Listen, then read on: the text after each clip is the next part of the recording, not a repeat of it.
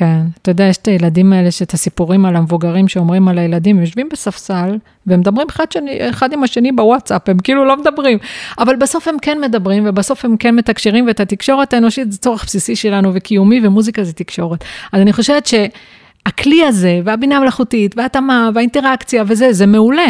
אבל בסוף, בסוף, בסוף, בסוף, מה שמעניין אותנו ו- ומרתק אותנו זה אנשים.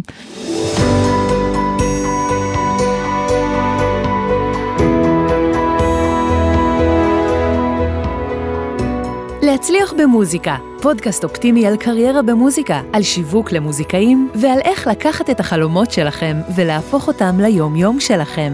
עמית ויינר מארח אורחים מוזיקאים, יוצרים ואומנים שמספרים על החיים והבחירות שלהם בקריירה.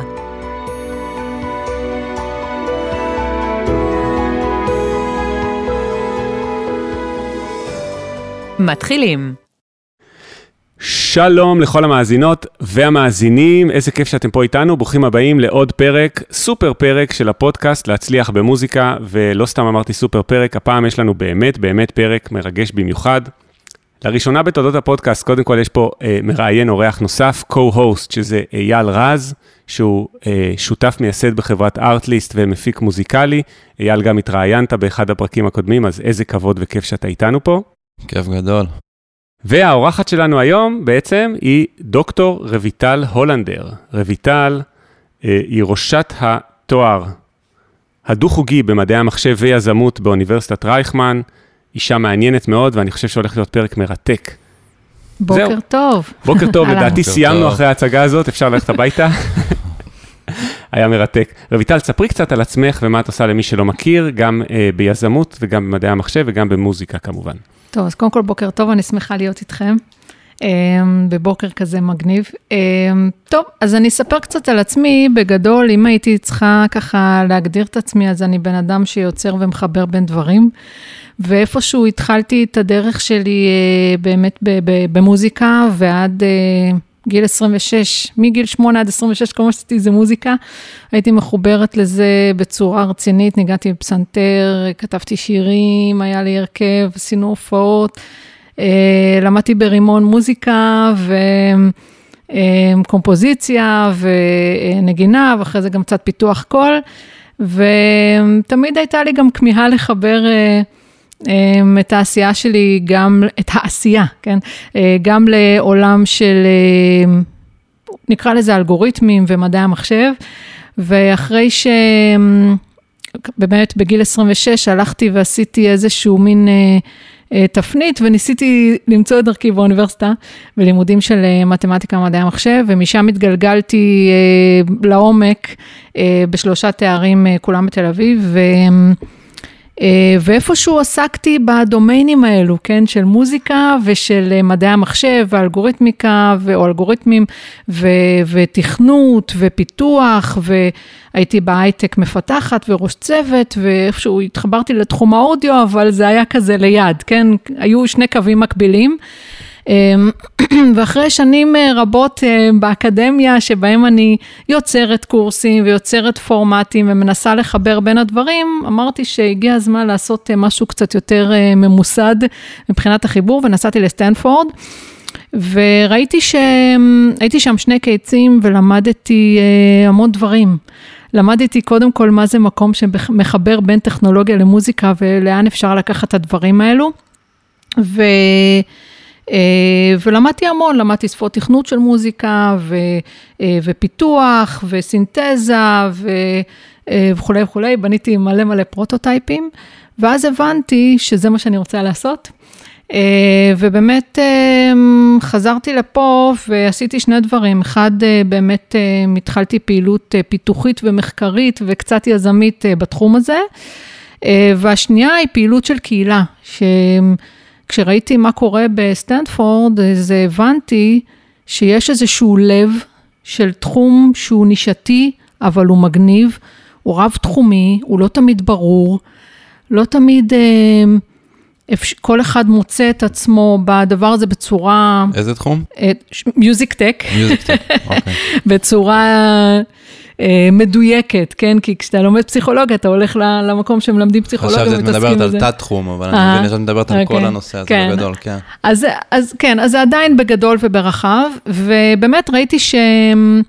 ש, שיש מרכז לדבר הזה, ושיש איזשהו, איזושהי הוויה אה, מאוד מעניינת בין אקדמיה, לתעשייה, כי אתם יודעים שסטנפורד זה רבע שעה מגוגל ורבע שעה מגיפסון ורבע שעה מאפל ורבע שעה מכל אחד, ובאמת יש אנשים שעוסקים בתחום הזה בכל החברות אה, הגדולות וגם הקטנות, ושאנשים אה, מפתחים דברים בתחום המחקרי, לפעמים הם יוצרים, הם עושים קומפוזיציה והיא נחשבת להם יצ...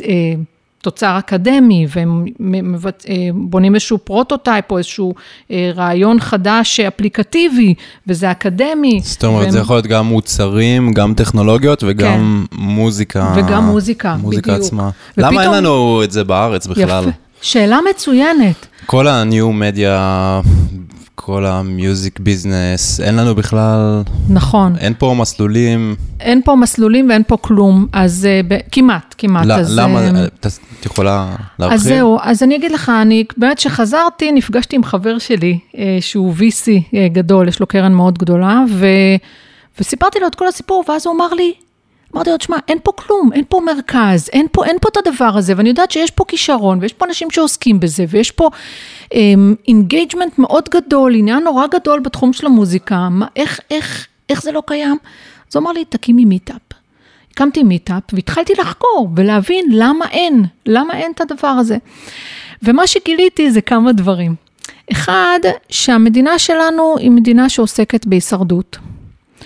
והיא בעיקר מפתחת את התחומים של medtech, סייבר, fintech, security, כן? זה, בא סטארט-אפיסט אומר, יש לי מיזם בתחום הזה, פאק, הוא מגייס כסף. פחות הקצפת של החיים. ממש, פחות... הדברים היותר uh, פרקטיים, הישרדותיים. נכון. נכון. אה, אבל ישראל, תכלס, מעצמה של מוזיקה. נכון. ישראל היא מעצמה של מוזיקה. כבר ו... שנים, זה לא משהו חדש. נכון, וגם שנים. בספורט, אנחנו ב-77 עלינו למפה, כן, עם טל ברודי, ו... וגם עלינו באירוויזיון, נכון, אבל זה עדיין כל מיני תחומים כאלה שהם... עדיין לא בתודעה של משקיעים. למשל, החבר הזה, כן, ש, שיש לו קרן מאוד גדולה, באתי אליו עם מיזם שלי, עם prototype, אמרתי לו, תשמע, אני רוצה לגייס כסף, אז הוא אמר, תשמעי, אני לא מכיר את התחום הזה. הלכתי ל-VC אחר, לא מכיר, לא, לא, לא מתעמק בתחום הזה. למה, כל... למה רצית לגייס כסף? אה, לאפליקת, למיזם שבעצם מתעסק ב... אה, למשהו אה, ספציפי, לא... ב mashup-ים של אודיו ווידאו, כן, למוזיקה. ו... רגע, אבל אני רוצה לשאול, בארצות הברית זה שונה? נגיד, אמרת סטנפורד כן. מתחברת עם התעשייה, אבל נגיד, גוגל הרי התחילה בעצם מפרויקט של סטנפורד, נכון? של שתי דוקטורטים שעשו שם את המחקר שלהם, ואז בעצם נוצר גוגל, אבל השאלה אם זה קיים גם במוזיקה. כלומר, יש כן. music tech שם? תראה, יש, אה, קודם כל יצאו מסטנפורד כמה סטארט-אפים אה, שדי גדולים, יש שם את Smule וכל מיני חברות אחרות שהתחילו אה, ועשו גם כל מיני פיבוטים, היה, היה קשה, כן, ניסו לפתח כלי נגינה על אייפדים, הבינו שזה מוקדם מדי, הם תמיד הראשונים. אה, הלכו אחרי זה לקריוקי וכולי וכולי.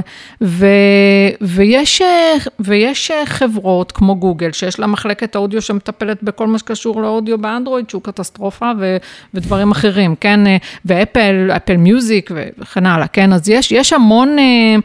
יש המון עשייה שם והמון אנשים שמפתחים דברים ויוצאים ממשהו מזה, כן? בין אם זה משהו אקדמי, משהו אמנותי או ממש מיזם. אה, ויש שם יותר בתודעה, זאת אומרת, אה, לא רק בתודעה, יש שם אקסלרטורים של מוזיקה, אה, אקסלרטורים שמתמחים במוזיקה, שפתאום מוציאים תוכנית רק למוזיקה, כמו Techstars, יש, יש תעשייה. יש תעשייה, בדיוק עשיתי שנה שעברה מחקר על אה, כל הסיפור של, של האקו-סיסטם היזמי מוזיקלי פה. גילינו שיש 192 אה, אה, סטארט-אפים רשומים. מתוכם 120 עד 140 שהם פעילים, רובם פרסיד, אה, או עם כל מיני, כן, אה, ככה גיוסים קטנים ו- ופרוטוטייפים נחמדים. וואו, זה הרבה או מעט. זה נתון מטורף. אני שמעתי טיפה יותר, אבל זה היה נשמע לי מופרך. שמעתי 300 מישהו אמר לי פעם, זה היה נשמע לי מופרך, אבל את ממש מאשרת את זה. לגמרי. בעיניי כל דבר שהוא מעל 20 במספר, כן. אני אומר כבר, וואו, איך אני לא מכיר אותם. נכון. זה מטורף, אני חושב שבישראל באמת זה אימפריה בכל דבר. אני הבנתי שאת הוופרים של הרמקולים הכי טובים מייצרים אפילו פה, יש מפעלים נכון. שעושים את זה, יש פה פלאגינים, יש פה חברות יש פה הכל, נכון, הכל מהכל, זה נכון. באמת מטורף. את Waves Audio יש לנו כבר הרבה שנים שהיא מובילה עולמית, אה, והיא עדיין אה, פרטית, ובאמת הסתדרו בכוחות עצמם. יש אתכם, יש את סימפלי, אה, ועוד כל מיני חברות שגם נמכרו, כמו... אה, מוג'ו וסאונד בטר שנמכרה וגם נקנתה בחזרה, ו, אה, וכל מיני חברות אחרות, היו, היו כל מיני הצלחות, אבל זה עוד כלום, כן? זה, זה, לא, זה אפילו לא הקצה של המימוש אני, של הפוטנציאל. אני, מה שמפריע לי, ואולי את mm. נוגעת בזה קצת, כן. מהמקום שבו את נמצאת, זה המיסוד או ההסתכלות של המדינה או של הארגונים הכי גדולים. כאילו, אני חושב ש... רחובות כמו טייליארד בלונדון, שיש לך את כל החברות אחד אחרי שנייה כן. ברחוב אחד, ואין בכלל הסתכלות כזאת ארגונית. Mm-hmm. זאת אומרת, אני חושב שזה צריך לבוא אולי מהאנשים, ופחות מה... צריך להעלות מודעות למה זה יכול להביא. אולי זו שאלה נכון. בשבילך, מה זה יכול להביא לדעתך? מה זה יכול להביא אם, לארץ? אם יהיה כזה קונסטלציה כזאת יותר כן. מסודרת. אז אה, קונסטלציה, אפילו הייתי קוראת לזה אקו-סיסטם. שזה באמת, זו הסיבה שהתחלתי את המיטאפים. אני אחזור טיפה אחורה, המיטאפ הראשון שעשיתי היה בוויקס, בוויקס, אה, בספייס של... איזה תקופה אנחנו מדברים? איזה שנה זה? זה 2017. אוקיי, לפני הקורונה. כן, לפני הקורונה. כן.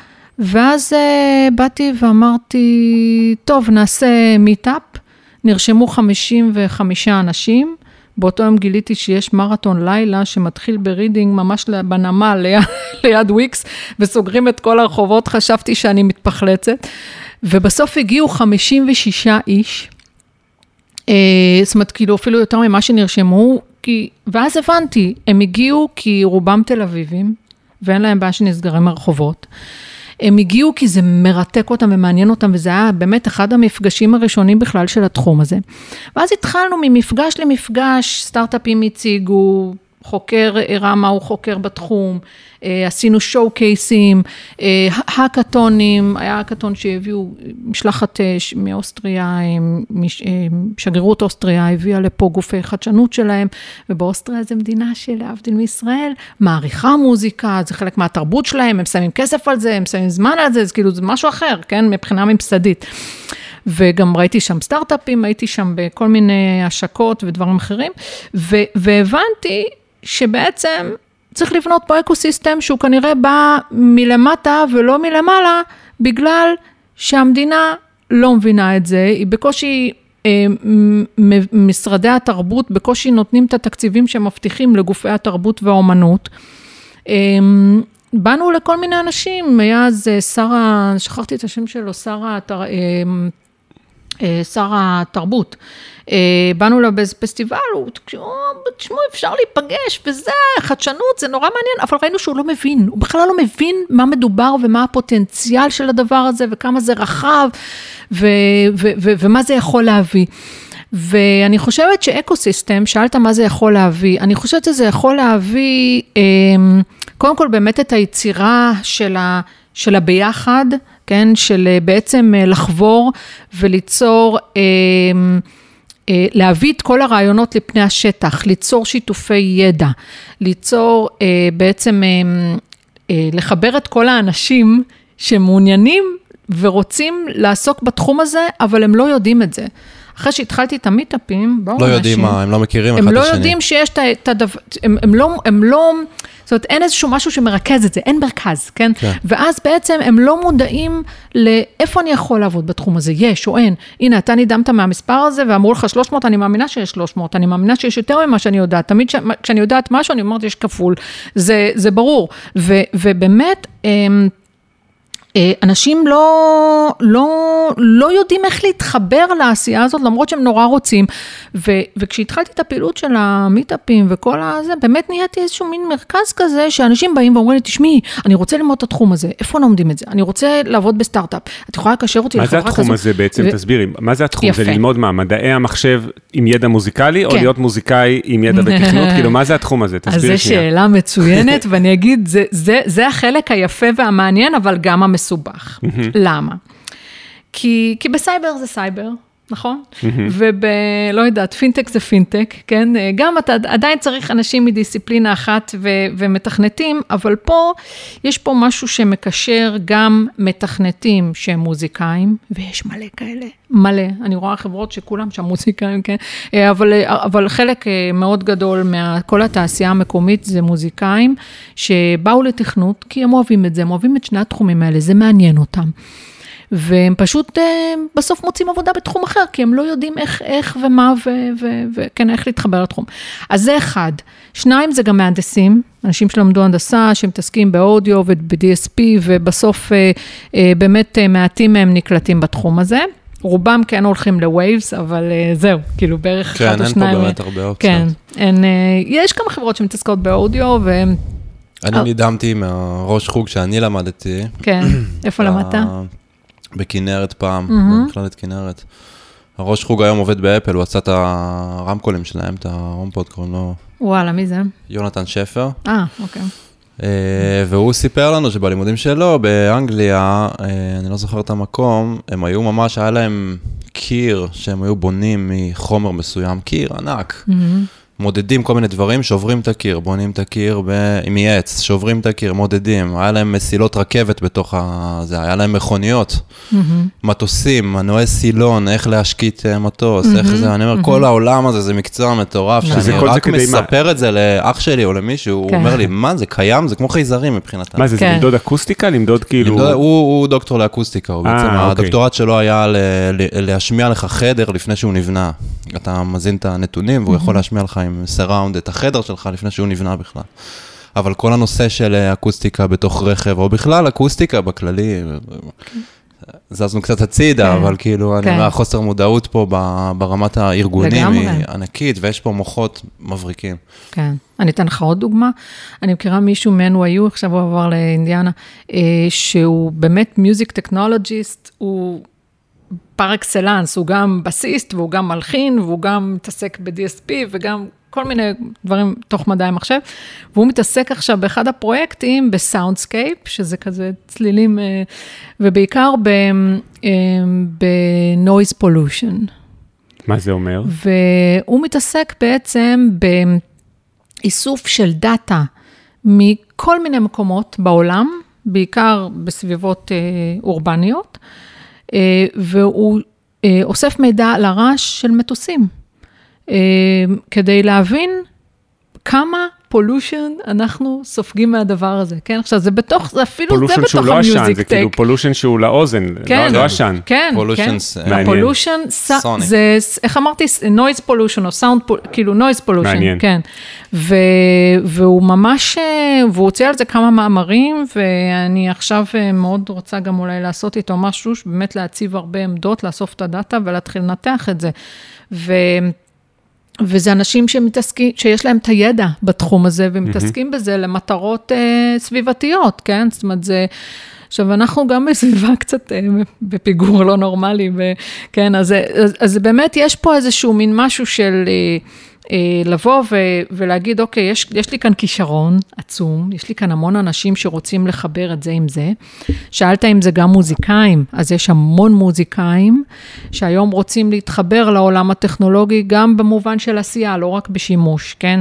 אה, ו- ולהיות חלק מהאקוסיסטם ההייטקיסטי, כן? יש פה הייטק. יש פה הרבה יזמות, יש פה הרבה הזדמנות אה, באמת לבוא ו- ולתרום משהו גם לעולם הטכנולוגי. אה, ולפתח חוויות חדשות, ולפתח מודלים עסקיים ופלטפורמות חדשות שהן גם למוזיקאים וגם ללא אה, מוזיקאים, ו, ו, ומאוד רוצים להשתלב בזה. מן הסתם זה גם נותן איזושהי יציבות. ספרי רגע, אז היו בעצם את המיטאפים האלה שאמרת כן. שהקמת את הקהילה ב-2017, כן. אז נכון. קודם כל, איך קוראים לקהילה? האם היא קיימת עד היום? קוראים לה TMT, היא עכשיו אה, לא פעילה מאוד, אה, כנראה שנעשה בנוב... בדצמבר מפגש מחודש. לא פעילה, אבל יש אה, בפייסבוק קבוצה, או כן, איזשהו שאנשים יוכלו ללכת? כן, יש בפייסבוק קבוצה שקוראים לה Music Technology Israel, ויש קבוצה במיטאפ, שהיא גדולה מאוד. באתר, ש... כאילו meetup.com. כן, אוקיי. meetup.com, ואפשר למצוא את זה Music Technology Israel ברצף. אוקיי, אני אשים כן, את הקישורים. ב description של הפרק למי כן. שמתעניין, ואת אומרת שהקהילה כן. בעצם הפסיקה בקורונה, נכון? זה היה כן, העניין. כן, זו פעילות של קהילה שכן, שהפסקנו אותה, אה, ככה, עשינו איזה פאוזה בקורונה. אני גם אה, הגעתי לרייכמן ו...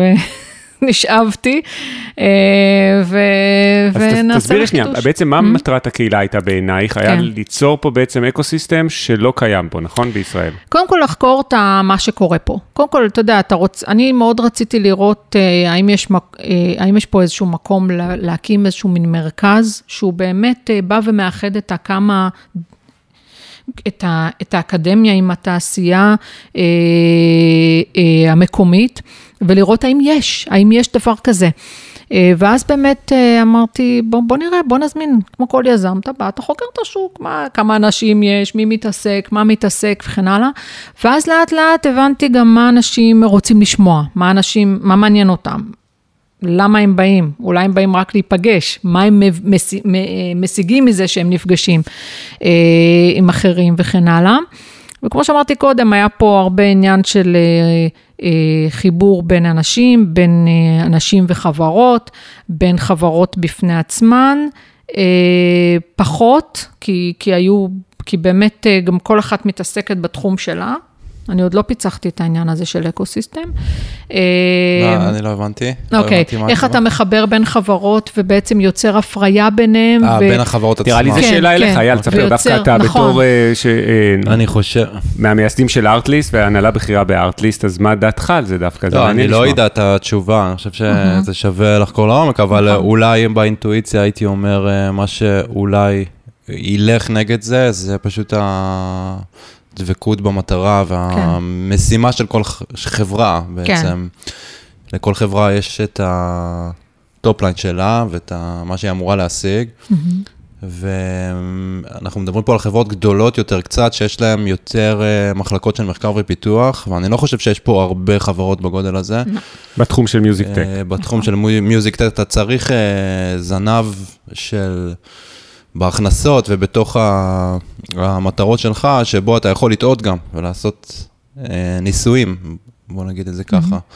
ואני חושב שזה פשוט שאולי חסר, למרות שזה לא, לא מוכיח את זה שכן, צריך להתחבר. כאילו, כן. זה, זה בטוח אה, מעניין. כן. יכול לקרות.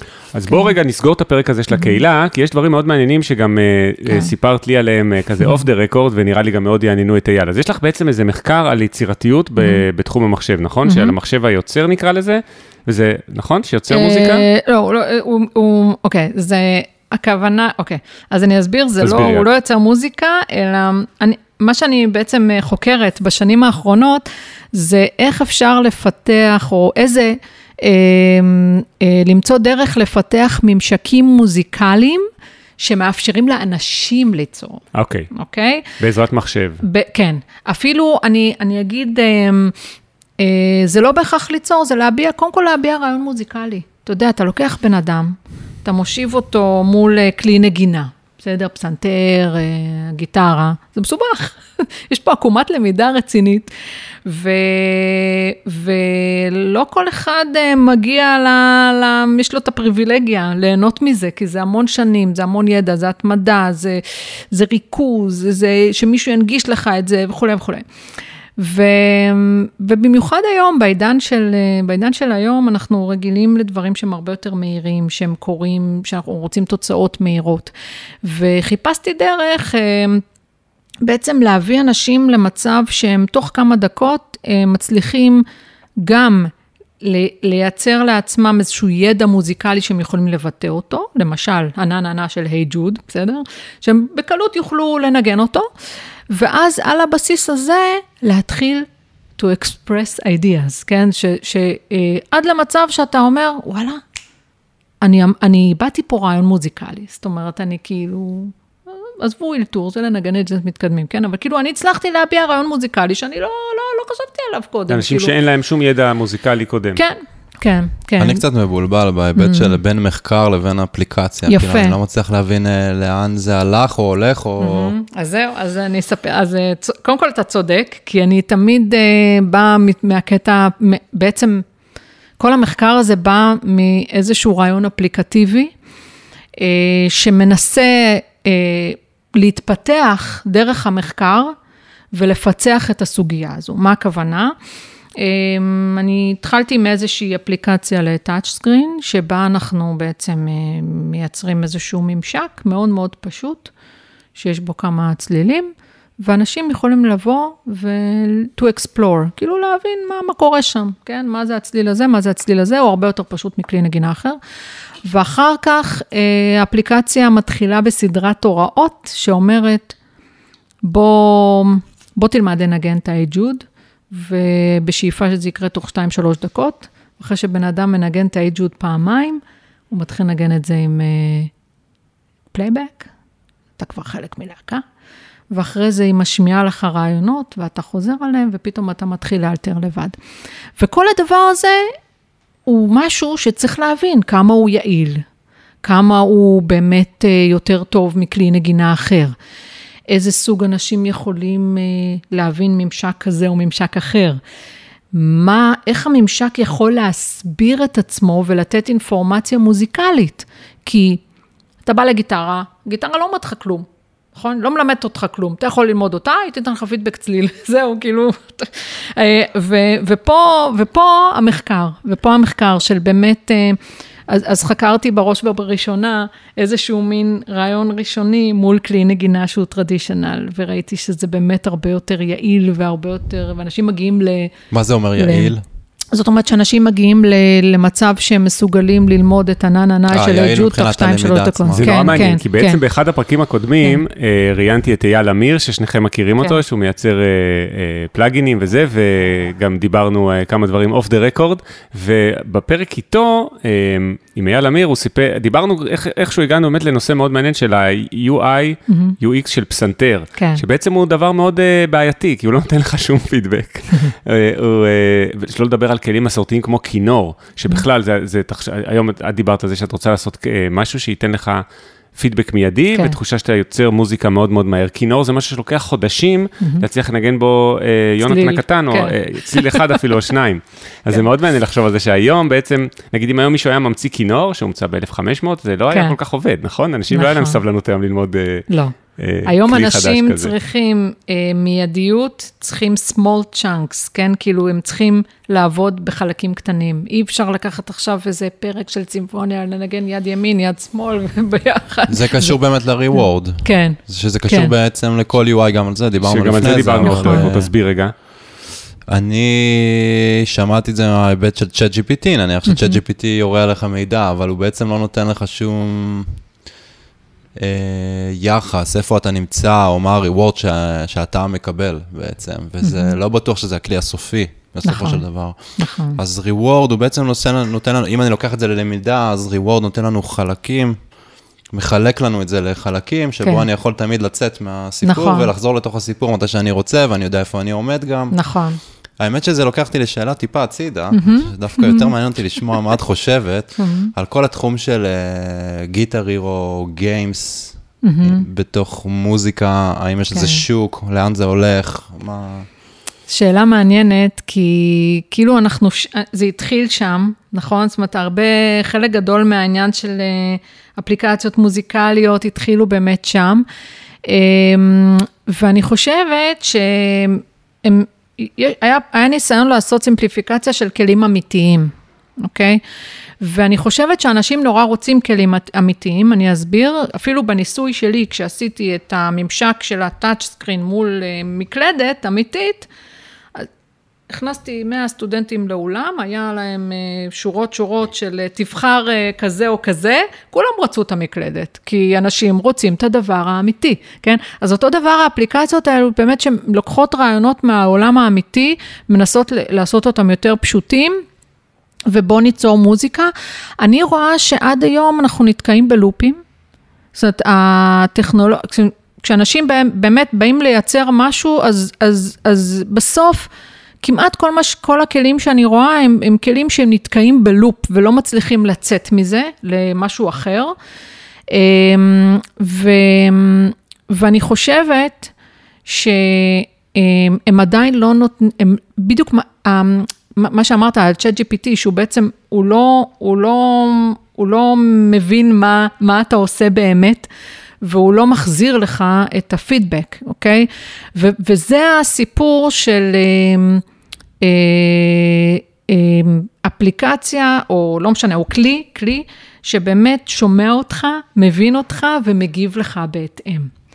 כך שלמשל, אה, דיברתי קודם על ללמוד היי hey ג'וד, ואם עשית אותו טוב, אז, אה, אז הנה מצטרף ה playback, כי אתה פתאום, זה מאוד rewarding. זה כאילו בעצם ה reward. אתה ניגנת פעמיים, דרך אגב, בן אדם שמנגן משהו פעמיים, הוא אחרי זה לא, הוא, כאילו, הוא יודע את זה, זהו, הוא יודע את זה, ו... טאק, פתאום יש playback והוא מנגן עם ה playback, לא תמיד הוא יודע איפה להיכנס עם ה playback, לא, לא משנה, אבל זה מאוד rewarding ואתה מתקדם. ואחרי זה המכונה שומעת את מה שאתה מאלתר, והיא תיתן לך מוטיב חזרה בהתאם למה, זאת אומרת, יהיה דו-שיח, כן? מוזיקלי, תנתח את מה שניגנת, והיא תיתן לך, זאת אומרת, אני חושבת שמה שחסר בכל הכלים האלו, זה באמת העניין היותר פרסונלי, כן? Mm-hmm. זאת אומרת, באמת תגובה למה שאני עשיתי, הפידבק המוזיקלי, לא סתם פידבק, אלא גם, כן, זה יכול להיות, תנגן יותר מהר, תנגן יותר לאט, המכונה תעזור לך להסתדר, אבל גם בתכנים שאתה מנגן. כן. וגם אה, באמת אה, לבוא ולקדם אותך, זאת אומרת, לתת לך משימות ו- ולהגיד לך, וואו, תשמע, עשית את זה. קדימה. כל זה באספקט של אה, בעצם אפליקציות ללימוד מוזיקה. כן. את, את רואה מקום לאפליקציות שהן לכיף דרך מוזיקה? אני חושבת שזה כיף, זה לא לימוד. למשל, מה שאני עשיתי, לא לומדים, לא לומדים תווים. לא צריך ללמוד תווים. Hmm. לא לומדים אה, בעצם, לא יודעים כלום.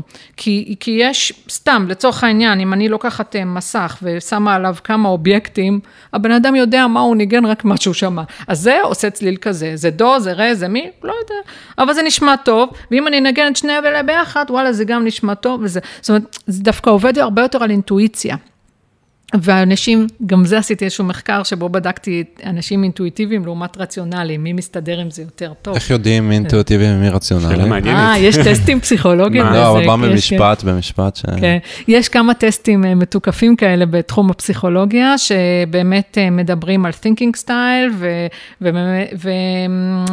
ורובם אה, עובדים ככה שהם נותנים לך כל מיני statement, ואתה אומר אם אתה יותר כזה או יותר כזה, ואז הם מבינים. אני ישר יודע שאני אינטואיטיבי. האינטואיטיבי ואתה הרציונלי. כן.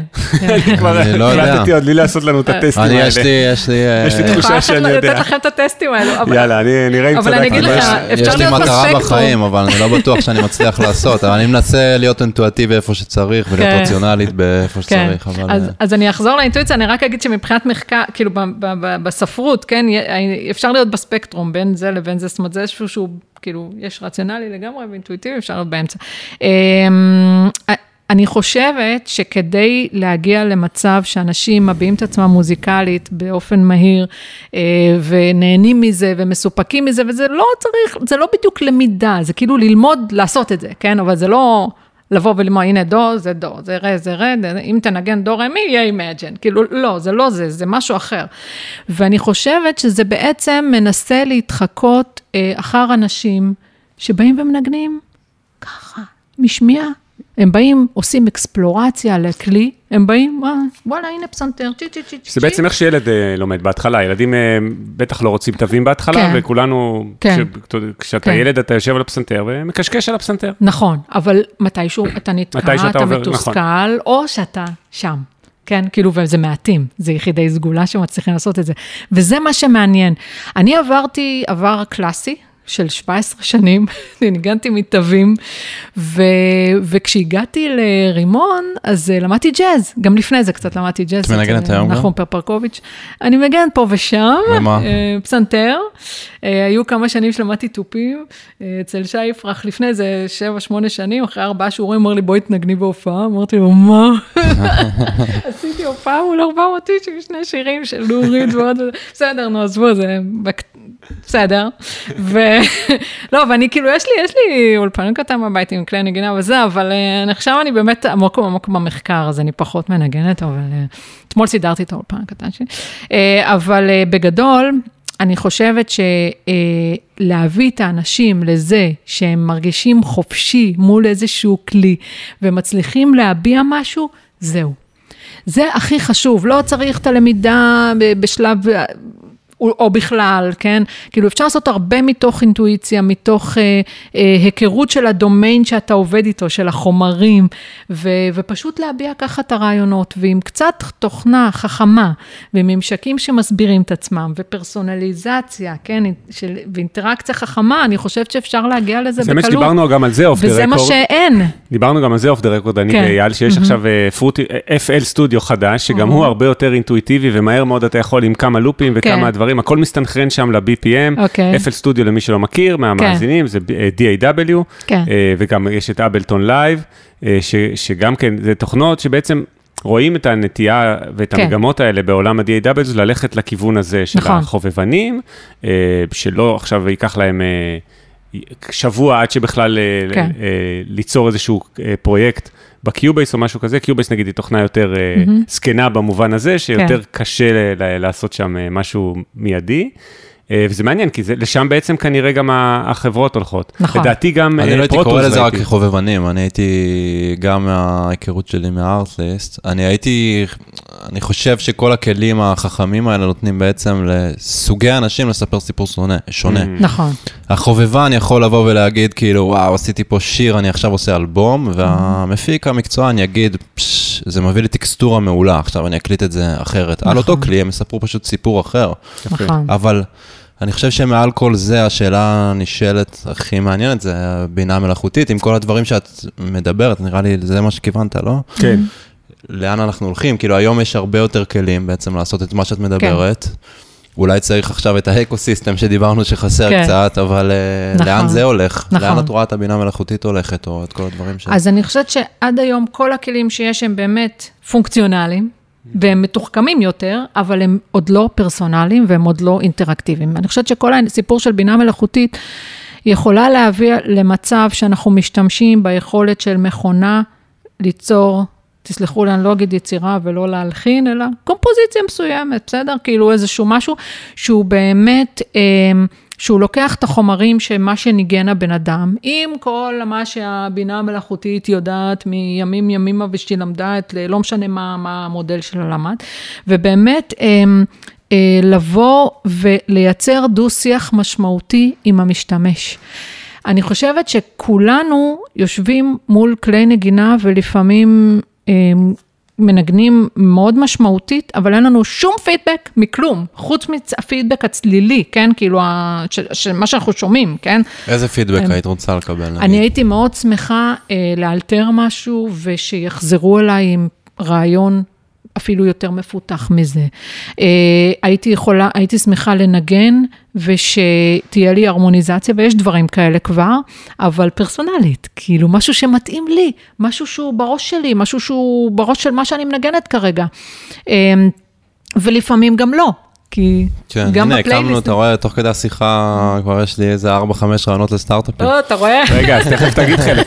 תקשיבו, אני חייב להגיד, זה נורא מעניין, אני כל הזמן חושב גם בראש כן. האקדמי שלי כמורה, וכמורה לקומפוזיציה באקדמיה בירושלים, וכמורה בכלל, וזה בעצם מה שבני אדם תמיד חייבים, כלומר, בלי פידבק, אני מנסה לחשוב, הדבר הכי מעליב הרי תלמיד, זה שהוא מגיש עבודה והוא לא מקבל אה, שום דבר, נכון. אה, שום פידבק כציון. אה, ובצדק, אני זוכר גם את עצמי כסטודנט, כן. כלומר, והשאלה באמת, אבל אני מנסה לחשוב, כאילו הפידבק בוא נגיד בכל, בואו נגיד בכל תולדות המוזיקה, הפידבק היה אנושי. Mm-hmm. כלומר, אנשים למדו אחד על אחד, גם אני עדיין מלמד אחד על אחד. תני דוגמה איך פידבק הזה יכול להיות באמת פרסונלי, אישי, אבל שהוא נעשה על ידי מכונה, על ידי מחשב. אני אנגן עכשיו את המוטיב טה נה נה נה נה. בסדר? משהו נורא פשוט. הנה, ואני אומר לך, מדהים, תמשיכי לפתח את זה לנושא, הנה, קיבלת פידבק. ואז אני מנגנת עוד פעם, טה נה נה נה נה, ואני נתקעת, טה נה נה נה נה, כן, זה מה שיש. אוקיי. ופתאום המכונה לוקחת את הטה נה נה נה נה הזה, כן, ואומרת לי, טה נה נה נה נה, טה. ואנחנו מתחילים לדבר. ואנחנו מתחילים לדבר, ו- ולאט לאט זה מתפתח, ואני מנגנת אולי גם את האקורדים, ואז פתאום המכונה משנה את זה, ומביאה אותי לעולמות אחרים שאני לא חשבתי. אפילו כן. בלי לנגן זה מגניב, הייתי נכון, זה בעצם ממש כמו שיעור קומפוזיציה, שמביא, כן. תלמיד מביא לי ארבע תיבות, נגיד כן. בשיעור הראשון, ארבע תיבות של התחלה יצירה לפסנתר, ובעצם זה מה שאני אומר, אני, יכול, אני אומר לו, אולי תנסה להמשיך את זה, אולי תנסה את זה. אני לא אומר לו הרי מה לעשות, כי אז זה יצירה שלי ולא שלו. נכון. זה בעצם איזשהו סוג של... אה, פידבק במובן של לתת רעיונות איך להתקדם. מעניין. כן. אני בא לי לצייר מוזיקה בכלל. כן. שזה אומר? לא יודע, סתם משפט פוצץ. שזה אומר להתחיל לערבב בין... אה, טוב, זה נראה לי השלב הבא, אבל כל כן. הקרוס בתוך האסטים, כאילו, זה עולם מאוד מעניין. כן. מה קורה בין וידאו לבין מוזיקה בחיבור, לגמרי. בין מוזיקה לציור. כן. אז זה, זה יש תחום שלם, דרך אגב. גם ו... אני חושב, אגב, סליחה, ש... שכל היוצרים, גם בשינוי גדול, אני חושב שגם הרגלי הצריכה השתנו בסוף נכון. בגלל הבינה המלאכותית, לדעתי זה תהליך יותר ארוך ממה שאנשים מדברים עליו, אבל בסוף גם הרגלי הצריכה השתנו, אבל גם האומנות עצמה תשתנה, וגם הרצון, או ה-desire, הייתי אומר, של היוצרים גם משתנה מאוד. אני כמישהו שהגיע מתוך המוזיקה, אני שנים, שנים מת לעשות אה, אנימציות. חלום שלי, שלא נכנסתי לזה, כי זה תמיד היה קשה מדי, כן. אבל אני מאוד רוצה לעשות shortים כאלה, mm-hmm. ואולי תכף אני אוכל לעשות. כן, זה הרבה יותר נגיש. כל הרעיון הוא על ההנגשה. אין היום כלים כאלה בכלל. נכון, נכון. עכשיו אני אגיד, בתחום אה, של באמת ה cross... discipline, או לא משנה, או art, אה, אז יש תחום שנקרא סוניפיקציה. סוניפיקציה? sonification, כן, זה בעצם מה? לקחת data ולהפוך אותו ל auditory. אה, ומן הסתם אפשר לעשות את זה גם להפך. אה, למשל, לנגן ציור, למשל, אה, לקחת טקסט ולנגן אותו, שזה עולם ומלואו, כן? כי... אני אגיד גם בסטנפורד, המקי, המנהל כרגע, הדירקטור של סטנפורד, מתעסק בסוניפיקציה ועושה הרצאות באוניברסיטאות בשביל שאנשים ייקחו data, אפילו data של כוכבי לכת, data של החלקיקים במאיץ חלקיקים בשוויץ שם, data של זה ב NASA, data של אה, אה, לא יודעת מה, כל מיני אה, יישומים ביולוגיים וכן הלאה, ולשמוע את זה כדי להבין תופעות. אבל גם בתחום האומנותי, רגע, לא הבנתי כלום, רויטל. מה זה אוקיי. אומר לשמוע את המאיץ חלקיקים? תני למישהו אוקיי. שלא בא מה... אז זה המרה, אז אתה לוקח data. יש לנו פה הרבה מאזינים מוזיקאים, הם לא הבינו מה אמרת, מה אתה שומע? כן, אז יש לך data של אה, תנועה של חלקיקים נגיד, כן? כן? וזה data שהוא מהמספרים, כן? אין כלום. אתה יכול לראות אותו, אתה יכול לנתח אותו, כמו שאתה מנתח data, כן? זה כמו אה, ששמים על פטריות וכל זה מחברים אותם לפעמים ביוטיוב, אני רואה. מה? שמחברים אה, בעצם התנועות של החשמל, אני חושב, mm-hmm. או התנועה של הזה, כן. מייצרת מוזיקה מהטבע, או כל מיני, זה זה? אני שואל אם אז, זה... אז אפילו, אפילו ברמה עוד יותר, של איזה, לעשות איזשהו מין מיפוי, שבעצם לוקח את ה data ומשמיע אותו. ומה אתה עושה שם? אתה בעצם שואל את עצמך, הרי יכולתי לנתח את הדאטה בלי להפוך אותו לאודיו, נכון? לאודיטורי. אז, אז אני יכול לגלות שם כל מיני דברים, למה אני צריך להפוך אותו לאודיטורי? כי אז אתה שומע. וכשאנשים שומעים, הם מגלים תופעות או פאטרנים שהם לא יודעים לחפש כאשר הם מנתחים את הדאטה על ידי אנליזה פשוטה של דאטה, כן. ו, ושם המוח האנושי שרגיל לזהות פאטרנים ודברים אחרים ושומע את זה, לפעמים מגלה דברים. זה כאילו לבדוק את הקוד הרצאות. באמצעות האוזניים? זה מה שאת כן, אומרת? כן. זה בכלל לא מה שדמיינתי, זה מטורף. זה בעצם כן. לא לעשות מוזיקה באמצעות הקוד, כן. זה להשתמש במוזיקה של הקוד כדי לבדוק אותו. ממש ככה, כאילו וואו. להשמיע את הדאטה כדי לגלות דברים על הדאטה. כן, אבל יש גם... זה לא מה שהבנתי בהתחלה, מטורף. כן, כן האבטיח אוהב אקורדים כן. מינוריים נניח. כן. יכול לגלות דברים מטורף. יש הרצאות שלמות על זה, גם אה, מחבר'ה של נאסא וגם מחבר'ה של מאיץ חלקיקים, וגם באמת בהרבה תחומים. והתחום הזה נקרא סוניפיקציה. sonification, מה המסקנה הכי גדולה שהגיעו אליה בעולם? דרך זה? אמ, אין איזשהו משהו שהוא, בוא נגיד, אני לא אגיד שעשו מזה פריצת דרך מטורפת, כן? אמ, היו כל מיני תובנות על, על תופעות אה, בין... אה, אה, בכוכבי לכת, אני לא מבינה בזה לעומק, אפשר לראות את ההרצאות ומי שמבין בזה אולי יכול להבין את התופעות האלו, אבל, אמ, אבל משתמשים, משתמשים, מנסים, חוקרים, אני יודעת שיש גם אנשים שניסו להבין DNA, כן? זאת אומרת, השרשרות של DNA באמצעות זה. וואו. אה, כן, אני עוד לא מכירה אה, את התגלית שכן, של הפרס נובל, כן? ש, שמבוססת על זה. התחום השני של סוניפיקציה זה באמת לקחת אה, דאטה ולהשמיע אותו. ופה זה נורא מעניין, כי אפשר לקחת, להשמיע אותו, אבל בצורה אומנותית, לא רק לשם המדע או לגלות כן, משהו על הדאטה. כן, זה, זה מה שאני כן, דמיינתי כן, בהתחלה. כן, כן, ופה זה מעניין, כי, אתה, כי בעצם... אתה אומר, אז למוזיקאי יש כאן תפקיד כאן, כי הוא בעצם לוקח דאטה ומחליט מה הוא רוצה לעשות עם זה מוזיקלית, נכון? ואז אתה אומר, מה, יכול להיות שיש לי איזה טקסט לפודקאסט, פודקאסט שלנו, ואנחנו רוצים לו מוזיקת רקע. אז איזה מוזיקת רקע נעשה, כן? מה האווירה? מה פה? מה קורה? מה, איך אנחנו עוברים מהמשפט הזה למשפט הזה, גם מבחינה מוזיקלית וכן הלאה. ו, ופה יש עולם ומלואו, אה, גם של בעצם לבוא ול generate מוזיקה, שאלת בינה מלאכותית, לבוא ולהגיד מה המילה הבאה, מה האקורד הבא, מה הצליל הבא, כדי שיהיה ביחד, כן? שיהיה פה איזשהו משהו שמלווה טקסט, או מלווה סיפור, או מלווה פודקאסט, או whatever. שאלתי את האמת לפני זה, הזכרת לי משהו, על, כן. ארבע, על הכיוון 440, שמכוונים נכון, ללה. נכון. אם אני מכוון ל-432, אני כן. מכיר שיש איזשהו... אה, סברה רוחנית כן, כזאת, כן. שזה משהו יותר טבעי, שזה משהו שיותר נכון. מה, מה זה הדבר הזה? וואי, זו שאלה טובה, והאמת שאני באתי מוכנה היום במקרה, כי אמרתי לך שהייתי בפסטיבל יוגה בסוף שבוע, והיה שם אה, אה, נגן גונג ונגן percussion מתופף, שעשה לנו סדנה של צלילים אה, מרפאים. ואמרתי לו, תשמע, אתה כל הזמן מדבר על צלילים, הוא עושה סאונד כזה וסאונד אחר, ומה שאפשר לעשות עם גונג זה מטורף, כן? הוא אמר, אבל אתה לא מדבר על תדרים, ואנחנו... מה עם 432? מה עם התדר של כדור הארץ? מה עם תדרים ב... מה, מה, מה זה? התדר של כדור הארץ? כן, אז יש איזה 580, אה, לא, יש את... כדור הארץ זה, וואי, שכחתי, שמונה, ו... אה, לא יודעת, תדר נמוך. מה זה אומר? מה זה אומר? שהוא מסתובב סביב השמש? כלומר, התדר שנוצר בסיבוב? אה, לא, לא, זה תדר שאני, אני לא יודעת להסביר אותו בדיוק, אני לא רוצה סתם okay, אוקיי, להגיד, okay. אוקיי. אה, אבל אפשר לחפש את זה ב... כן, יש איזה תדר ויש גם את 586, אז תשמעו, אני, אני מכירה את 432, בסדר? 432, יש המון... אה, אה, אה, תיאוריות שמדברות על טוב, המספר רגע, הזה. מה זה אומר בכלל? למי שעכשיו אומר, לא כן. יודע מה זה, את, אתם מתכוונים שלה מכוון ב-432? נכון. ועכשיו תסביר, אז אוקיי, מה הכוונה? אז אני, אני אסביר בגדול, הרי אם יש לנו נגיד את הפסנתר ויש את ה-12 כלי, אה, צלילים השונים, 12 צלילים השונים, הם בעצם, אה, יש שם תדרים, אמ, איך נקרא לזה, אה, מסוימים, שנקבעו לפסנתר המושווה, או ל... כן. ו-432 לא נמצא שם. כשאנחנו מנגנים לה זה 440. עכשיו, ההבדל בין 440 ל-432 זה כלום, זה כאילו איזה זיופון צ'יקצ'קון קטן, אבל הוא לא קיים בפסנתר אם הוא מכוון טוב, נכון? ולא קיים בגיטרה אם הוא מכוון טוב וכן הלאה. ואז בעצם, לבוא ולנגן 432 זה משהו שהוא... out of scope, נכון? של המוזיקה המערבית, כאילו משהו אחר.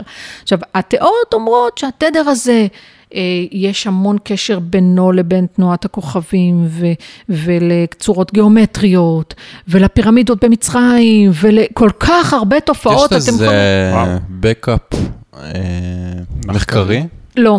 אה, כאילו, מה זה מחקרי? תראו, אם, את, את, אם, אם אני אגיד לכם עכשיו שאני... או שזה משהו שרק אומרים ב... בסדנאות. לך, אם, זה רק בסדנאות, ואני אגיד, אני תכף אסביר למה. אה, אם אני עכשיו אקח, אה, לא יודעת, אני לא זוכרת בדיוק את החישובים, יש סרטונים שלמים על זה שראיתי, כן, ואני אקח איזושהי צורה מסוימת, ואני אכפול את זה ואחלק את זה, אני אקבל 432, זה ברור, זה מתמטיקה, כן? אבל אין איזשהו משהו... שבוא נגיד, אה, זה, זה עדיין לא הוכח אה, בצורה ודאית ש-432 יש לו את הסגולות האלו והאלו, ואם אני אשמע... אז אני כבר אעשה שירות טוב לכל המאזינים, כן. פה תכף אני אעשה עצירה בפרק, mm-hmm. ואני אשים פה צליל סינוס של 432, ואתם תגיבו ב, אה, בספוטיפיי, האם הרגשתם פתאום איזו הרגשה הרגשת. קוסמית, ניתן איזה שנייה של הפסקה. כן.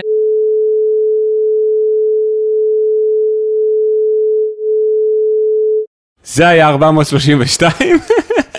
עכשיו אם הרגשתי בהרגשה קוסמית. שים גם 440 אחר כך. קיצור, ואז שאלתי את המדריך בסדנת, אה, בפסטיבל יוגה, המדריך בסדנת צילים מרפאים, תגיד, אתה לא עושה שום דבר עם תדרים וזה, וזה, הוא אומר לי, תקשיבי, אה, כל התיאוריות האלה עוד אין להם שום דבר, זה לא מתוקף ולא כלום, ומי שרוצה יכול לנגן ב-432, אבל זה לא זה. לא זה.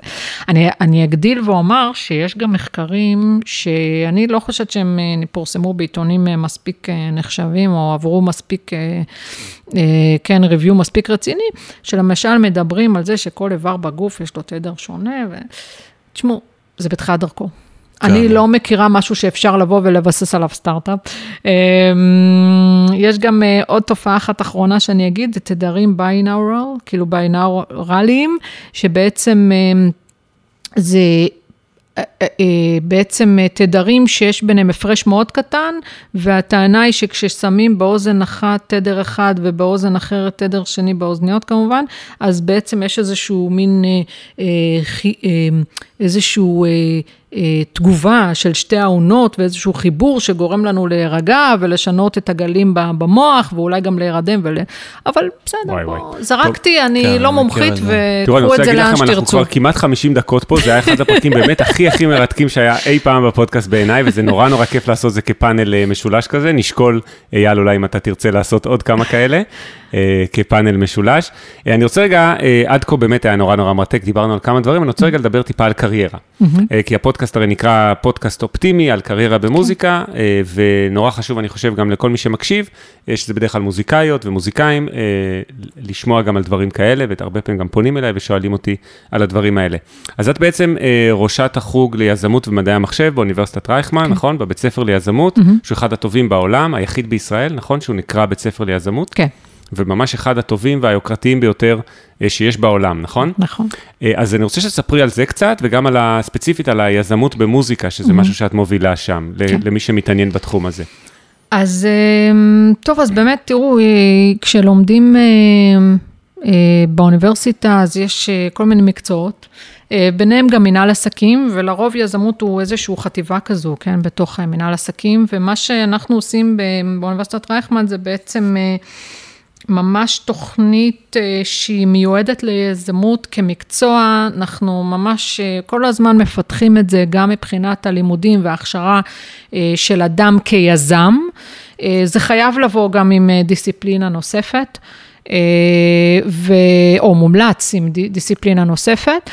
כלומר, לומדים נגיד יזמות ומדעי המחשב, כן. או יזמות וכלכלה, נכון, עם data-tech. תואר דו-חוגי בעצם. נכון, נכון, בדיוק. זה תמיד אה, חשוב מאוד שיש איזושהי דיסציפלינה שהיא גם אה, אה, משהו שמתמקצעים בו ויש איזושהי מומחיות, ו...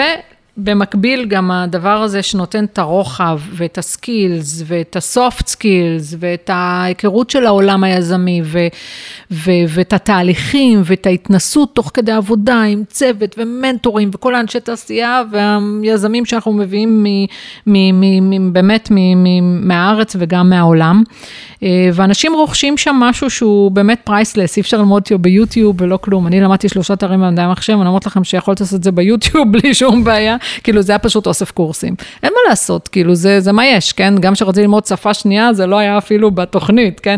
ופה פתאום באים ו- ומתעסקים עם אנשים ולומדים ומקבלים פידבק, וכאילו, דיברנו כל הזמן על אפליקציות שנותנות פידבק, אז פה בלימודים אתה מקבל פידבק ואתה עושה ואתה מציג וכן הלאה.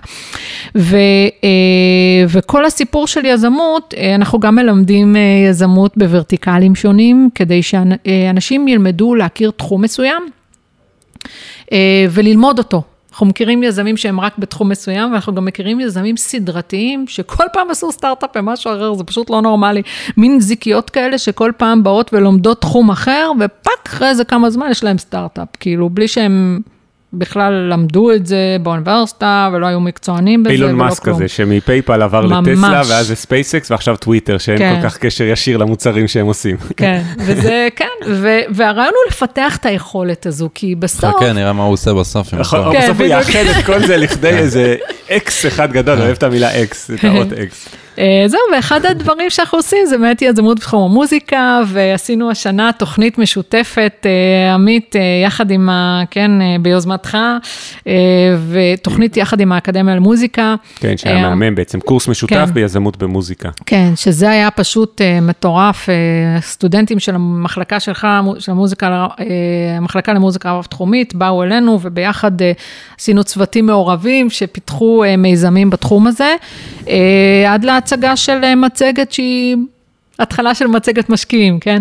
אה, ו, וזה מסע מרתק, זה מסע שעוברים אותו שלושה חודשים, והוא מין התנסות כזו שאחריה הרבה יותר קל לבוא ולחשוב על דברים ולפתח וללמוד ולעשות את החקר שוק ו, ו, ואת ה... אה, ללכת לשוק ולא לא רק ללמוד על המתחרים, אלא גם להבין בעצם את המרקט שלי, מה, מה אנשים, אני מחפש, מה הם מחפשים, מה הם צריכים וכן הלאה. המרכז אז לא קשור ל... למוזיקה בפרט. זה... הקשר לאזור... למוזיקה זה הקשר שלך. נכון, אבל נכון, נכון. זהו, המרכז הוא רחב להכל, כן, נכון? הבית ספר ליזמות, כן, הוא, הוא רחב לא והוא קשור להכל. עוד שאלה, לא קשורה, כן. אחרת.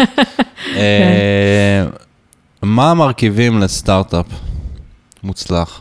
של מוזיק, בתחום לא, המוזיקה? לא, אה. כללי, מה את חושבת? אחרי זה אני רוצה שאתה תענה, כי אתה הקמת כזה. לא, אני לא יודע, הנה, אני שואל. אתה הקמת כזה. אה, אני חושבת שצריך אה, אה, צריך כמה דברים מאוד חשובים. דבר ראשון, צריך רעיון, אבל רעיון הוא לא שווה כלום. פשוט הוא, הוא רעיון, כן? הוא רעיון שבסוף צריך להתפתח למשהו אמיתי, אבל מן הסתם על זה מבוסס כל הסיפור. צריך צוות. צריך צוות שהוא קודם כל אה, צוות שמסוגל להוביל מיזם. אה, אני תמיד אומרת לסטודנטים, תלמדו מה אתם בתוך המיזם הזה ומה אתם יכולים להביא לו. כי אנשים לפעמים רוצים לעשות סטארט-אפ, נשמע להם רעיון מגניב, מצטרפים לצוות, אין להם מושג מה הם עושים שם. זאת אומרת, הרעיון הוא שאתה תבין מה ה-value שאתה מביא, כי אחרת המיזם לא יצליח. בסוף אתה בא לשרת מיזם, אתה לא בא לשרת את עצמך. אתה בא להקים מיזם, אז צריך להביא את הדבר שלך. ו- והצוות הזה הוא צריך להיות גם צוות שמסוגל, אבל גם שיש לו את התמהיל הנכון, את הסינרגיה הנכונה, אבל את ה... באמת שכל אחד יודע אה, מה הוא, מה, ויכול להביא את מה שהוא מביא למיזם הזה. אה, ואחרי זה צריך גם... אה, אה, גם אולי, אולי קצת, אה, לא יודעת אם זה נקרא לזה, זה, זה לא תמיד מזל, אבל צריך לדעת איך להתנהל, ובזמן הנכון, לפני שאנשים אה, משקיעים בזה יותר מדי אנרגיה או פחות מדי אנרגיה, אה, באמת לבוא ולהתחיל לעשות את הכסף הראשוני או לגייס את הכסף הראשוני ולפגוש את האנשים הנכונים שירצו לקדם את זה ויעזרו ויתמכו. וזה לפעמים קורה ולפעמים לא, לא משנה אם יש רעיון מצוין וצוות מצוין. רגע, אייל, אתה לא תתחמק, מה לדעתך דורש סטארט-אפ מצליח? כן. אתה הקמת חברה עם שותפים שמצליחה בטירוף בינלאומית, ארטליסט. תן אתה את האינפוט שלך בעניין, מעניין. יהיה בטוח מעניין את המאזינים גם. אני חושב שארבע פרמטרים, אני רואה, כשאחד מהם הוא באמת חלש יותר טיפה, אולי זה הרעיון, הוא דווקא חלש mm-hmm. יותר. Mm-hmm. וגם אני אגיד רעיון בלי אה, קשר להזדמנות, או רעיון בלי קשר לבעיה שמנסים לפתור, הוא רעיון שלא שווה כלום. Mm-hmm. זאת אומרת, רעיון הוא תמיד יחסי למשהו שמנסים לפתור. אז רעיון זה אחד מהם, הצוות, אני חושב שהוא פרמטר מאוד חשוב, גודל שוק ושוק, אה, ואקסקיושן, זה בעצם כן. איך, מייצ... איך מיישמים. זה הארבע, אני חושב, אה, החשובים. כן. יש כמובן דברים אחרים, אולי אם הייתי מחלק בגדול לשתיים, אז הייתי אומר, יש את הפרמטרים שהם לפני שיוצאים לאור, ויש פרמטרים שאחרי שיוצאים לאור. אחרי שיוצאים לאור הייתי אומר, אולי איך אני מגן על הרעיון שלי. אה, איך אני מייצר ברנד שאנשים, שהוא תואם לרעיון שלי, יש כל מיני שאלות אחרות, אבל גם שם יש פרמטרים. כן. אה, אבל אני לא, אני ממשיך ללמוד את זה ולהסתכל, זה מאוד מאוד מעניין, יש טונה של דברים שקורים בעולם, זה מאוד מרתק. כן, נכון. יצא משהו מהמרכז שלכם ש... אה, אנחנו עוד, זאת אומרת, יש את הבית ספר ליזמות, יש את הפעילות שלי, אני הייתי מאוד שמחה להרחיב את זה. אמ, זה עדיין קשה, אה, ועדיין אה, צריך ככה לתת הרבה אנרגיה בשביל זה, ואני מקווה שאנחנו נתפתח ואתה יודע, שאני, שנוכל לפתח את התחום הזה אה, בצורה, בצורה שגם תפתח פה ידע. וגם אנשים, את האנשים הנכונים לתעשייה, וגם אולי את איפשהו את החיבור בין החברות ל... ש, אה. שזה נראה לי סוגר מאוד יפה, אה, כמעט סוגר את הפרק, כן. נראה יש לנו איזה שאלה או שתיים לסיכום, אבל סוגר מאוד יפה מהקהילת המיטאפים כן. שהקמת ועד ליזמות במוזיקה שאת מובילה היום באוניברסיטת רייכמן, זה כזה מין סוגריים כאלה ש, אה, שמשלימים את המעגל הזה של ה... איך ליצור באמת את האקו-סיסטם ואיך ליצור גם את האנשים שידעו לעשות את, ה, את הפעילות בתוך אוניברסיטת רייכמן, שזה מה שהיה פעם הבינתחומי, והיום היא אוניברסיטת רייכמן. אז זה נראה לי שאלה או שתיים לסיכום. רויטל, קודם כל שאלת המיליון דולר. אמ, איך עושים מיליון דולר? סתם. איפה את עוד, איפה את עוד חמש שנים? זו שאלה שאני תמיד שואל כל אה, אורח בפרקים, וקיבלתי על זה פידבק, אה, אפרופו פידבק, קיבלתי על זה פידבק טוב מאייל, שזו שאלה טובה, ומאז אני ממשיך לשאול אותה, למרות כן. שגם שאלתי אותה עוד לפני הפידבק הזה. כן, זו שאלה אה, מצוינת. איפה את מייחלת לעצמך להיות עוד חמש שנים? זהו, איפה אני אהיה בעוד חמש שנים? אף פעם לא יודעת, כי אני כמעט כל חמש שנים במקום אחר, אז כאילו, בין אם זה בעשייה או במקום פיזית אחר. זו באמת שאלה מעניינת. אבל אני חושבת ומייחלת לעצמי באמת אה, להביא איזשהו value לאנשים. אה, שבאמת יוכלו לבטא את עצמם אה, מוזיקלית ו- ולעשות דברים שהם לא יכלו לעשות קודם. ממש להנגיש את הדבר הזה של לבוא וליהנות מאינטראקציה מוזיקלית. זה הדבר שאני מייחלת לעצמי כדי שאנשים ייהנו ממנו. מהמם, אייל. שאלה אחרונה שאתה רוצה לשאול. רגע, מעניין אותי אבל הגישה שלה דווקא. אז יותר משאלה אחרונה. כן, בהיבט של, דווקא את מדברת על עתיד שבו הוא כן קשור למוזיקה, אבל התפקיד שלך עכשיו הוא ביזמות, שזה ארגון שהוא כללי, לא קשור רק למוזיקה. נכון, אבל המחקר שלי הוא בתחום של היזמות. אוקיי. כן, כן, כן, בסוף פה יש לי את הדרגת חופש הזו. חוץ מזה שאלה ענקית, אבל אני לא יודע. אה, לאן המוזיקה המערבית תגיע בעוד 100 שנים? וואו, שאלה טובה. לא 100 שנים, בוא נגיד אפילו כן. העולם כל כך מהיר, 30 שנה. כן, שאלה מצוינת. לגמרי. כי יש אה, כמה אפשרויות. אנחנו בעידן שהמכונה מתחילה אה, לייצר בעצמה דברים, ואנחנו שואלים את עצמנו, המכונה תחליף את המלחין? כאילו, כבר היא עושה ג'ינגלים, וסטארט-אפים הראשונים שגייסו כסף לקומפיוטר ג'נרטד מיוזיק, אמרו, אנחנו עושים פה מוזיקה פונקציונלית, כאילו, זה רק לג'ינגל ופה ושם, כאילו, סרט, אני לא רוצה להגיד, אנחנו מלחינים שירים. אה, אז זו שאלה, כי... כי או שהשתלטו עלינו המכונות, והם יעשו במקום, במקום המוזיקאי את מה ש... את מה שהוא עושה. ואז אני לא יודעת, אנשים ייהנו מזה, לא ייהנו מזה. היום קומפוזיטר יגיד שזה לא מוזיקה, מחר אה, מישהו אחר יגיד, תשמעו, אני לא מבדיל. היום כבר אומרים, אני לא מבדיל, כן? כן. אני חייב אחרי זה לענות את דעתי בנושא. אוקיי. כמלחין. כן, אוקיי, בסדר, אני אשמח לשמוע. אני שומר לעצמי. לא כן. מבדיל או כן מבדיל, זה באמת נקודה בזמן שאני רואה. זה רק אחת הנקודות בעיניי, זה כן. רק אחת הנקודות, ואני אחרי זה חייב להגיב. אני אגיד לך שהיה כבר ניסיון על אה, מכונה שעשתה קוראלים של באך ב-2017, עם מלא קווינטות מקבילות, טעויות שבאך לא היה עושה בכלל, ואנשים לא הבדילו, כאילו גם בעיקר לא מוזיקאים, אבל גם קצת מוזיקאים. משפט את זה, זה פשוט לא נורמלי, אנשים לא מבדילים. את הדודל שגוגל עשו, שמייצר, הם עשו את זה לכבוד אה, הולדת באך, אה, כן, שמייצר כן, קוראלים כן. של באך, וזה מה זה לא דומה לקוראלים, השקיעו בזה מיליונים, שמעתי, והראיתי את זה כפרודיה לסטודנטים שלי באקדמיה, תראו כמה טעויות גוגל הגדולה עשו, בלנסות לראות אה, שזה נשמע כמו באך. האוזן הבלתי מיומנת לפעמים לא אני לא יכול לשאול פה בפודקאסט הזה מה זה קווינטה, נכון? לא, סתם. עכשיו, יש אפשרות אחרת, שהמכונות בסוף ילמדו וילמדו את כל המוזיקה שיש היום, אבל הם גם ילמדו את מה שהמכונות מלחינות, ובסוף הם קצת יתכנסו.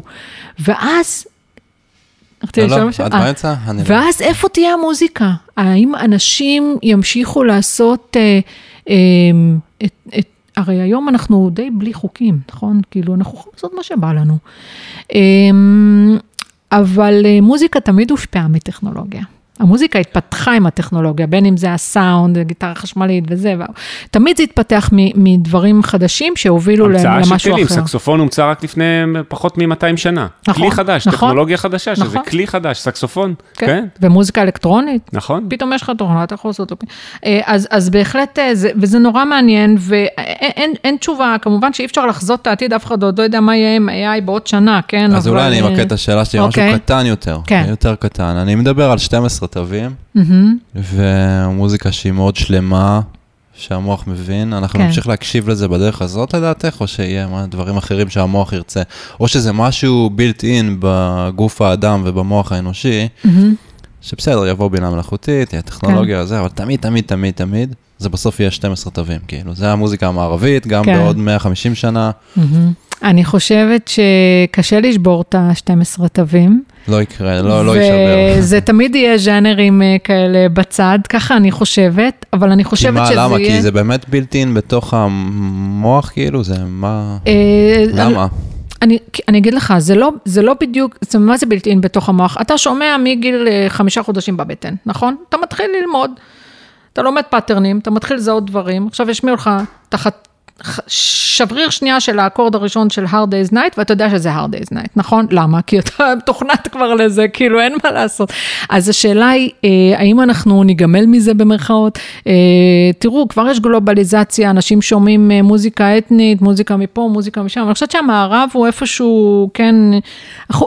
יש לזה בסיס, וכמו שיש בסיס לכל התרבות המערבית שהוא לא משתנה, אני חושבת שגם זה לא, לא, לא בטוחה שזה ישתנה, כן? אמ, ואיפשהו יהיו אה, דברים שיתלבשו על זה, ויהיה את המכונה שתעזור לנו לשמוע משהו יותר אישי ויותר אה, פונקציונלי, וזה ירגיע אותי, וזה יהיה, יהיה לי, יתאים לי לספורט, וזה יהיה פה וזה יהיה שם, אבל זה יהיה, זה יהיה עדיין בתוך ה-12 צלילים. זה מה כן. שאני חושבת.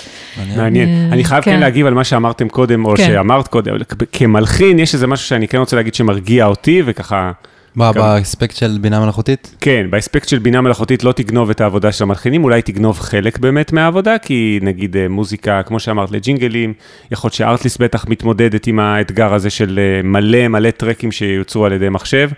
אמ, שיכולים להחליף קטלוגים קיימים, זה, זה, יש פה איזה סכנה, אבל אני יכול להגיד שכמלחין שעובד גם הרבה קאסטום, כלומר באחד על אחד עם במאים ועם, אה, אני עושה עכשיו איזה מיצג לאיזה מוזיאון גדול פה בישראל, אין שום תחליף לעבודה האישית של בן אדם מול בן אדם, mm-hmm. ואת זה אני לא רואה אי פעם, נגיד, אני רואה את העבודה היומיומית שלי כרגע מול היוצרי תוכן של המיצג הזה במוזיאון, בחיים לא יהיה מצב שהם היו מעדיפים לעבוד עם אה, מחשב, גם אם זה יותר נוח שאתה יכול להגיד לו, תגביר פה רגע את הכינור, תעשה פה רגע את זה.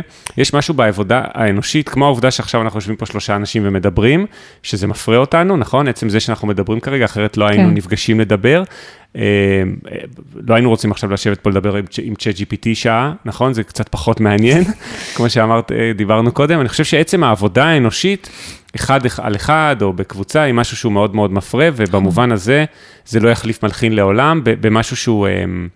אה, אה, נעשה כקסטום, כלומר שלקוח יכול לבוא ולהגיד, תעשה לי את זה קצת ככה, כן. אולי תגיד לי מה אתה חושב שמתאים פה. עצם העבודה של אדם מול אדם, אני חושב שזה משהו שאותי מרגיע לחשוב שלא יתחלף לעולם. Mm-hmm. אתם לא מסכימים, אבל לפי הפרצופים. אני, לא, אני פשוט, אני מסכים. אוקיי. אני מסכים. אני מסכים מאוד, ואני פשוט חושב שאנחנו מתחילים פרק חדש בפודקאסט.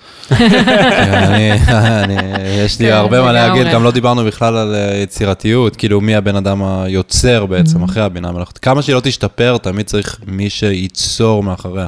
נכון. את מי שיחשוב, אבל נכון. זה בגדול התשובה שלי ואני מסכים איתך כן. מאוד. אתה יודע, יש את הילדים האלה, שאת הסיפורים על המבוגרים שאומרים על הילדים, הם יושבים בספסל והם מדברים אחד, שני, אחד עם השני בוואטסאפ, הם כאילו לא מדברים, אבל בסוף הם כן מדברים ובסוף הם כן מתקשרים, ואת התקשורת האנושית זה צורך בסיסי שלנו וקיומי, ומוזיקה זה תקשורת. אז אני חושבת ש...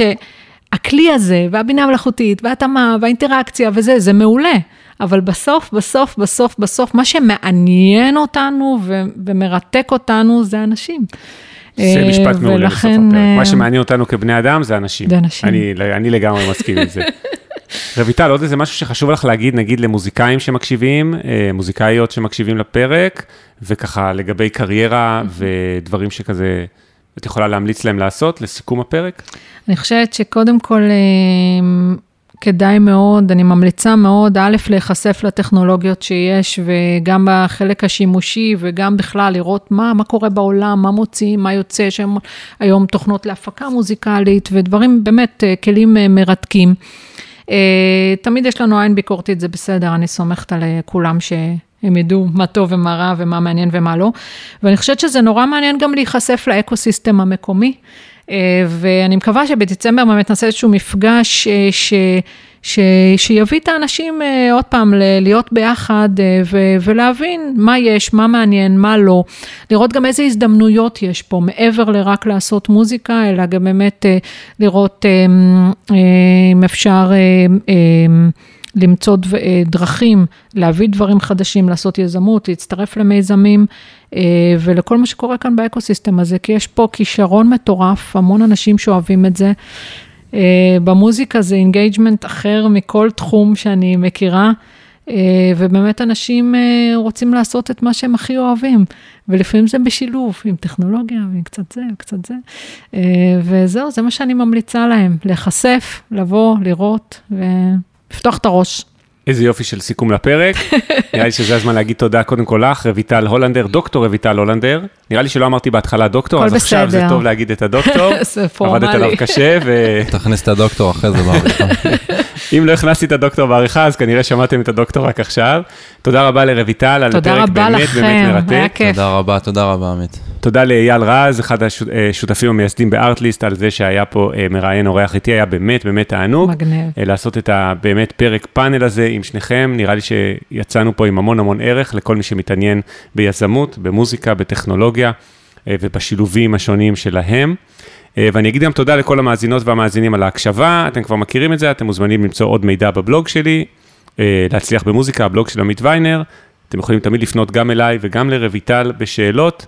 אה, רויטל, איפה אפשר למצוא אותך? בפייסבוק ובלינקדאין, נכון? אה, כן, אני נמצאת בפייסבוק, רויטל הולנדר, אה, עם דאבל אל, ואני נמצאת בלינקדאין ובכל מקום. מעולה, מוזמנים לפנות גם לרויטל בשאלות על קריירה, יזמות וכולי.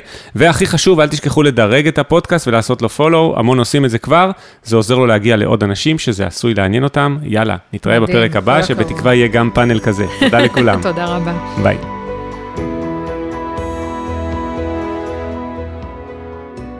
להצליח במוזיקה, פודקאסט אופטימי על קריירה במוזיקה, על שיווק למוזיקאים ועל איך לקחת את החלומות שלכם ולהפוך אותם ליום-יום שלכם. עמית ויינר מארח אורחים מוזיקאים, יוצרים ואומנים שמספרים על החיים והבחירות שלהם בקריירה.